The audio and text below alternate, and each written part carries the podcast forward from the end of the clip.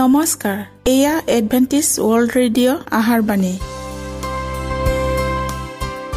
ষোল্ল মিটাৰ বেণ্ডত সোতৰ হাজাৰ আঠশ দহ কিলোহজত এডভেণ্টিছ ৱৰ্ল্ড ৰেডিঅ' যোগে অসমীয়া ভাষাত প্ৰচাৰিত আহাৰ বাণী প্ৰত্যেক বুধবাৰ আৰু দেওবাৰ সন্ধিয়া সাত বজাত আহাৰ বাণী শুনাৰ পিছত আপোনালোকৰ কিবা মন্তব্য আৰু প্ৰশ্ন থাকিলে আমালৈ এই ঠিকনাত লিখক। আমাৰ ঠিকনাটি হৈছে Adventist world radio' seven day Adventist মণ্ডলী অসম শাখা লতাকাটা বশিষ্ট গুৱাহাটী সাত আঠ এক শূন্য দুই ন।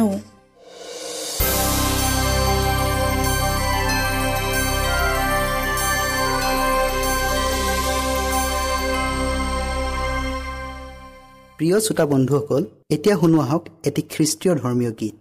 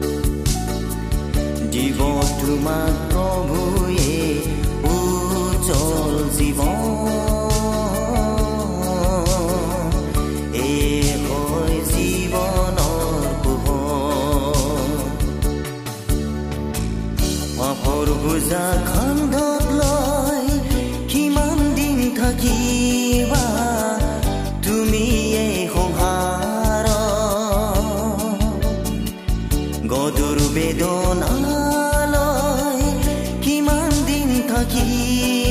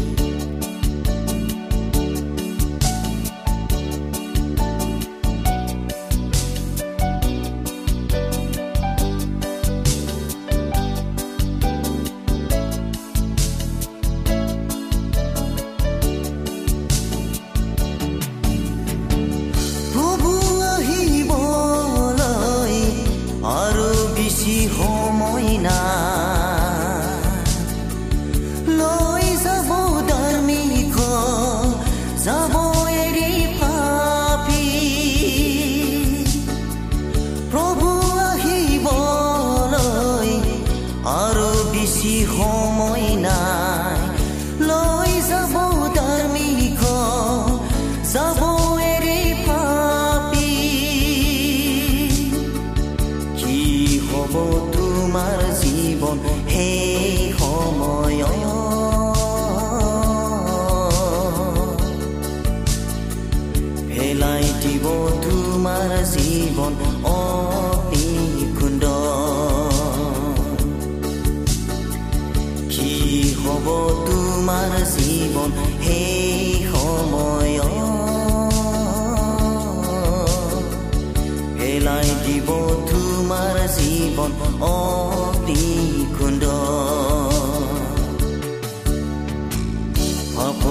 পাপৰ বোজা খুন্দত লৈ কিমান দিন থাকিবা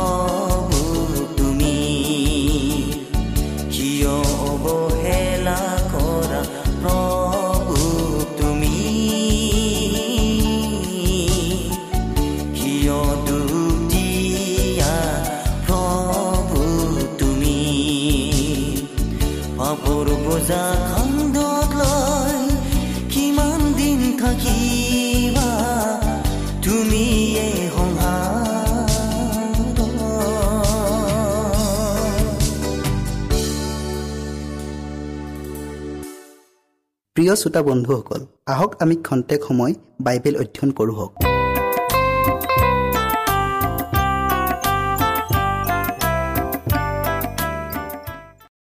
দহোটা নৈতিক বিধানৰ মাজত বিশ্ৰাম দিনক অকাৰণতে ঈশ্বৰে সুমুৱাই থোৱা নাই। মানুহে যে কালক্ৰমে সত্যক পৰাজয় কৰিবলৈ দুঃসাহস কৰিব তাক ঈশ্বৰে জানিছিল। শত্ৰুৱে এই দুষ্কাৰ্য সম্পন্ন কৰিব নিমিত্তে যে তাৰ সমুদায় অধাৰ্মিকতা আৰু প্ৰতাৰণা শক্তি ব্যয় কৰিব তাকো তেওঁ জানিছিল। অধাৰ্মিকতা আৰু ধৰ্মভ্ৰষ্টতাৰ পৰা ৰক্ষা পাবলৈ বিশ্ৰামবাৰ আমাৰ গড়স্বৰূপ নিয়ম চন্দুকৰ ভিতৰত দহোটা আজ্ঞা লিখা শিলৰ ফলি দুখন আছিল। এই পবিত্ৰ চন্দুকটো ইমান শুদ্ধ আছিল যে লেবিয়াবিলাকেও তাক স্পৰ্শ কৰিবলৈ সাহ নকৰিছিল। উজ্জিয়াৰ ঘটনাই পবিত্ৰ বস্তু অৱজ্ঞা কৰা প্ৰতিফলৰ উদাহৰণ দিয়ে। বৰ্তমান কালত ঈশ্বৰে অনুগ্ৰহ কৰিবই বুলি ধাৰ্য কৰি মানুহে যি ৰূপে বিধান অৱজ্ঞা কৰিছে এনে অৱস্থাত উজ্জিয়াৰ ঘটনাটো এটা বিশেষ ৰূপে উপযুক্ত সতৰ্কতা। হাত বৰাই নিয়ম চন্দুকটো স্পৰ্শ কৰাৰ দুখতেই যদি উজ্জিয়াৰ মৃত্যু হ'ব লগা হ'ল তেন্তে যিবিলাক অপবিত্ৰ হাত নিয়ম চন্দুকৰ ভিতৰত সুমুৱাই দহম আজ্ঞাৰ এটা আজ্ঞা নষ্ট কৰিবলৈ উদ্যত হৈছে সিহঁতৰ পৰিণাম কি হ'ব? পবিত্ৰতা অৱজ্ঞা কৰা উজ্জিয়া আজিকালি বহুত আছে। কিন্তু প্ৰভুৰ নিয়ম চন্দুক ভক্তিৰে গ্ৰহণ কৰা উবেদ ইডুমো অনেক আছে। এওঁবিলাকে ঈশ্বৰৰ বিধানত পালন কৰিবলৈ আনন্দ উপভোগ কৰে। ডেৰ কুৰি বছৰ বয়সত যেতিয়া যীশুৱে শিক্ষাগুৰুৰূপে প্ৰচাৰ কাৰ্য আৰম্ভ কৰিলে তেতিয়া তেওঁ য'ত প্ৰতিপালিত হৈছিল সেই নাচৰতলৈ আহি বিশ্ৰামবাৰে আপোন ব্যৱহাৰৰ দৰে নামঘৰত সোমাই পাঠ কৰিবলৈ থিয় হ'ল। নামঘৰবিলাকত সপ্তাহৰ সপ্তম দিনটোহে বিশ্ৰাম দিন বুলি পালন কৰা হৈছিল। যিটো দিন শনিবাৰ বুলি জনাজাত। যীশুৱে শিশুকালত প্ৰত্যেক সপ্তম দিনা সেৱাৰ অৰ্থে নামঘৰলৈ যাবলগীয়া হৈছিল আৰু সেই দিনটোৱেই ঈশ্বৰৰ বিশ্ৰাম দিন বুলি পালন কৰিছিল। গতিকে যেতিয়া বয়সপ্ৰাপ্ত হ'ল তেতিয়াও শিশুকালৰ অভ্যাস অনুসাৰে তেওঁ সপ্তম দিন পালন কৰিয়েই থাকিল। ইয়াত আচৰিত হ'বৰ কোনো কাৰণ নাই যি স্থলত যীশু নিজেই জগতৰ সৃষ্টিকৰ্তা আছিল। তেওঁৱেই আদিতে সপ্তম দিনত বিশ্ৰাম কৰিছিল আৰু তেওঁৱেই সেই দিনক আশীৰ্বাদ কৰি পবিত্ৰ কৰিছিল। যিয়ে সৃষ্টিকৰ্তাই বিশ্ৰাম দিন প্ৰতিষ্ঠা কৰি সৃষ্টিৰ সন্মানাৰ্থে মানুহক দিলে। জগতৰ প্ৰথম সপ্তাহৰ শেষত মানুহৰ কাৰণে এফলীয়া কৰা সেই বিশ্ৰাম দিন তেওঁৱেই যে অৱজ্ঞা কৰিব এনে ধাৰণা আমি মনলৈ আনিব নোৱাৰোঁ।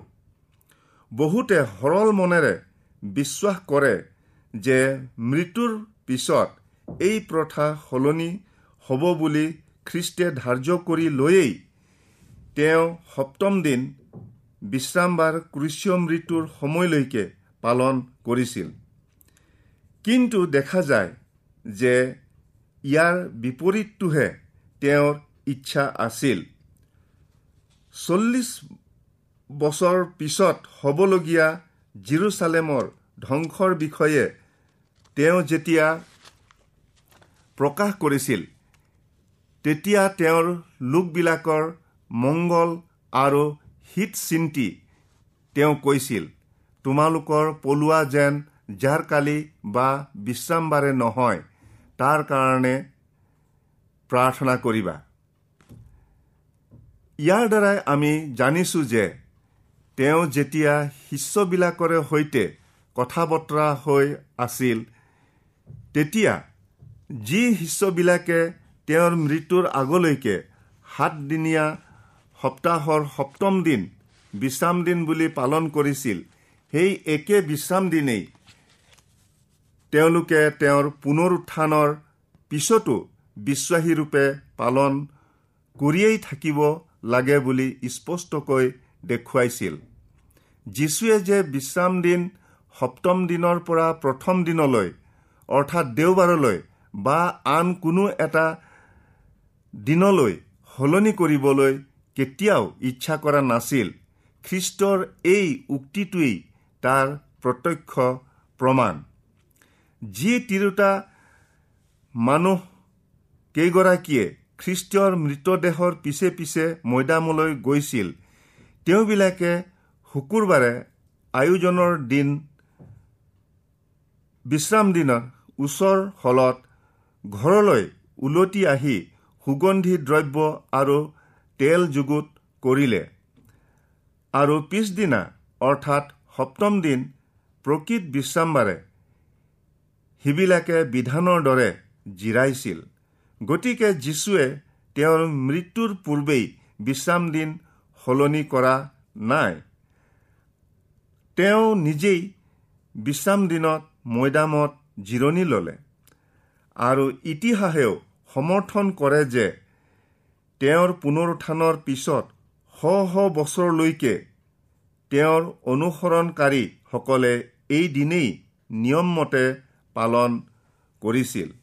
পৌলৰ আদৰ্শ পুনৰুত্থানৰ ভালেমান বছৰৰ পিছত আমি পাওঁ যে পৌল পাচনি আৰু তেওঁৰ সহচৰসকলে আন্তিয়খিয়াৰ পিছিদিয়া নামৰ সেৱাৰ কাৰণে সমবেত হৈছিল যি বিষয় বাছি লয় তাৰেই শিক্ষা দিবলৈ জনতাই পৌলক অনুৰোধ জনালে। যদি বিশ্ৰামবাৰ সলনিয়েই হৈছিল তেন্তে এই সময়তে তেওঁবিলাকৰ আগত সেই বিষয়ে প্ৰকাশ কৰি বৰ এটা সুবৰ্ণ সুযোগ নহয়নে? কিন্তু পৌলে এই সম্বন্ধে একোকেই নজনালে। কিয়নো পুনৰ উত্থানৰ পিছত তেনে কোনো পৰিৱৰ্তন হোৱা নাই। সপ্তম দিন বিশ্ৰাম দিন বুলি পালন কৰা কেইগৰাকী ফিলিপিৰ তিৰোতা মানুহে এসময়ত নৈৰ দাঁতিত বিশ্ৰাম দিন পালনাৰ্থে গোট খাওঁতে পৌলে তাত উপস্থিত আছিল। থিচলনিকিতো পৌলে প্ৰত্যেক বিশ্ৰামবাৰে নামঘৰলৈ গৈ খ্ৰীষ্টই আহিব লগা মচীহ জনা বুলি লোকবিলাকৰে সৈতে তৰ্ক বিতৰ্ক কৰিছিল। এই একেই পল পাচনিয়েই আমাক জনাইছে যে ঈশ্বৰৰ বিধান পবিত্ৰ ন্যায় আৰু উত্তম। জাকু পাচনিয়ে ঈশ্বৰৰ আটাইকেইটা বিধান একত্ৰ কৰি এটা সমষ্টি কৰিছে। তেওঁ কৈছে যে যিকোনোৱে সকলো আজ্ঞা পালন কৰে কিন্তু এটাত তাৰ ক্ৰুটি হয় সি সকলোতেই দুখী হ'ল। এই পাচনিসকলে বিশ্ৰাম দিন সলনি হৈছে বুলি কেতিয়াও শুনা নাছিল। পাপ সোমোৱাৰ পূৰ্বেই এডেনবাৰীত সপ্তম দিন বিশ্ৰাম দিন আছিল। সৃষ্টিকৰ্তা আৰু তেওঁৰ সৃষ্টি কাৰ্যৰ সন্মানাৰ্থে এই দিন মানুহৰ কাৰণে প্ৰতিষ্ঠিত হ'ল। যিহেতু মানুহৰ পাপৰ পূৰ্বেই এই দিন স্থাপিত আছিল আৰু সৃষ্টিকাৰ্য সোঁৱৰণৰ অৰ্থেহে দিয়া হৈছিল। তেনেস্থলত খ্ৰীষ্টৰ মৃত্যুৱে ইয়াক পৰিৱৰ্তন কৰিছে বুলি বা প্ৰয়োজনীয়তা আঁতৰাই দিছে বুলি ধাৰণা কৰা বৃথা। পাচনিৰ ধৰ্মপুস্তকখনক খ্ৰীষ্টীয় মণ্ডলীৰ ইতিহাস বুলি কোৱা হয়। খ্ৰীষ্টীয়ৰ উত্থানৰ পাছতো পাচনিবিলাকে এডেনবাৰীত যীশুৱে স্থাপন কৰা পবিত্ৰ বিশ্ৰামবাৰ পালন কৰিয়েই আছিল বুলি পুস্তকখনে সাক্ষ্য দিয়ে। যীশুৱে পবিত্ৰ বিশ্ৰাম দিন পালন কৰিছিল। তেওঁৰ শিষ্য আৰু পাচনিবিলাকেও এই দিন পালন কৰিছিল। নৱনিৰ্মিত পৃথিৱীটো অৰ্থাৎ স্বৰ্গীয় জিৰচালেমতো বিশ্ৰাম দিনেই পালন কৰা হ'ব। এতিয়া পালন কৰা নহ'ব কিয়?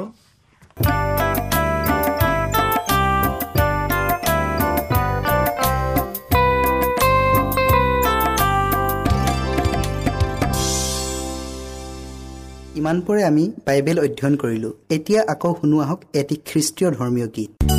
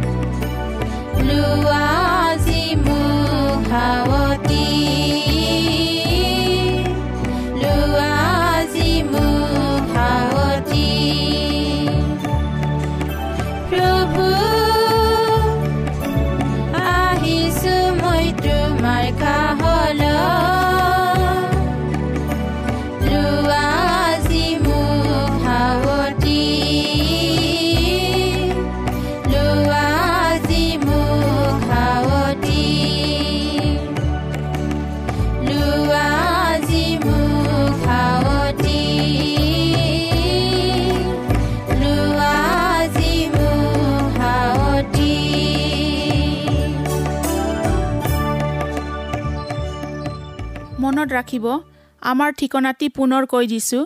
Adventist world radio' Assam region of seven day Adventist voice of hope Latakata Basistha Guwahati seven eight one zero' two nine প্ৰিয় শ্ৰোতা বন্ধুসকল এডভেণ্টিজ ৱৰ্ল্ড ৰেডিঅ' যোগে আহাৰবাণী প্ৰচাৰত আপোনালোকক পুনৰ লগ পোৱাৰ আহাৰে আজিলৈ সামৰিলোঁ। ধন্যবাদ।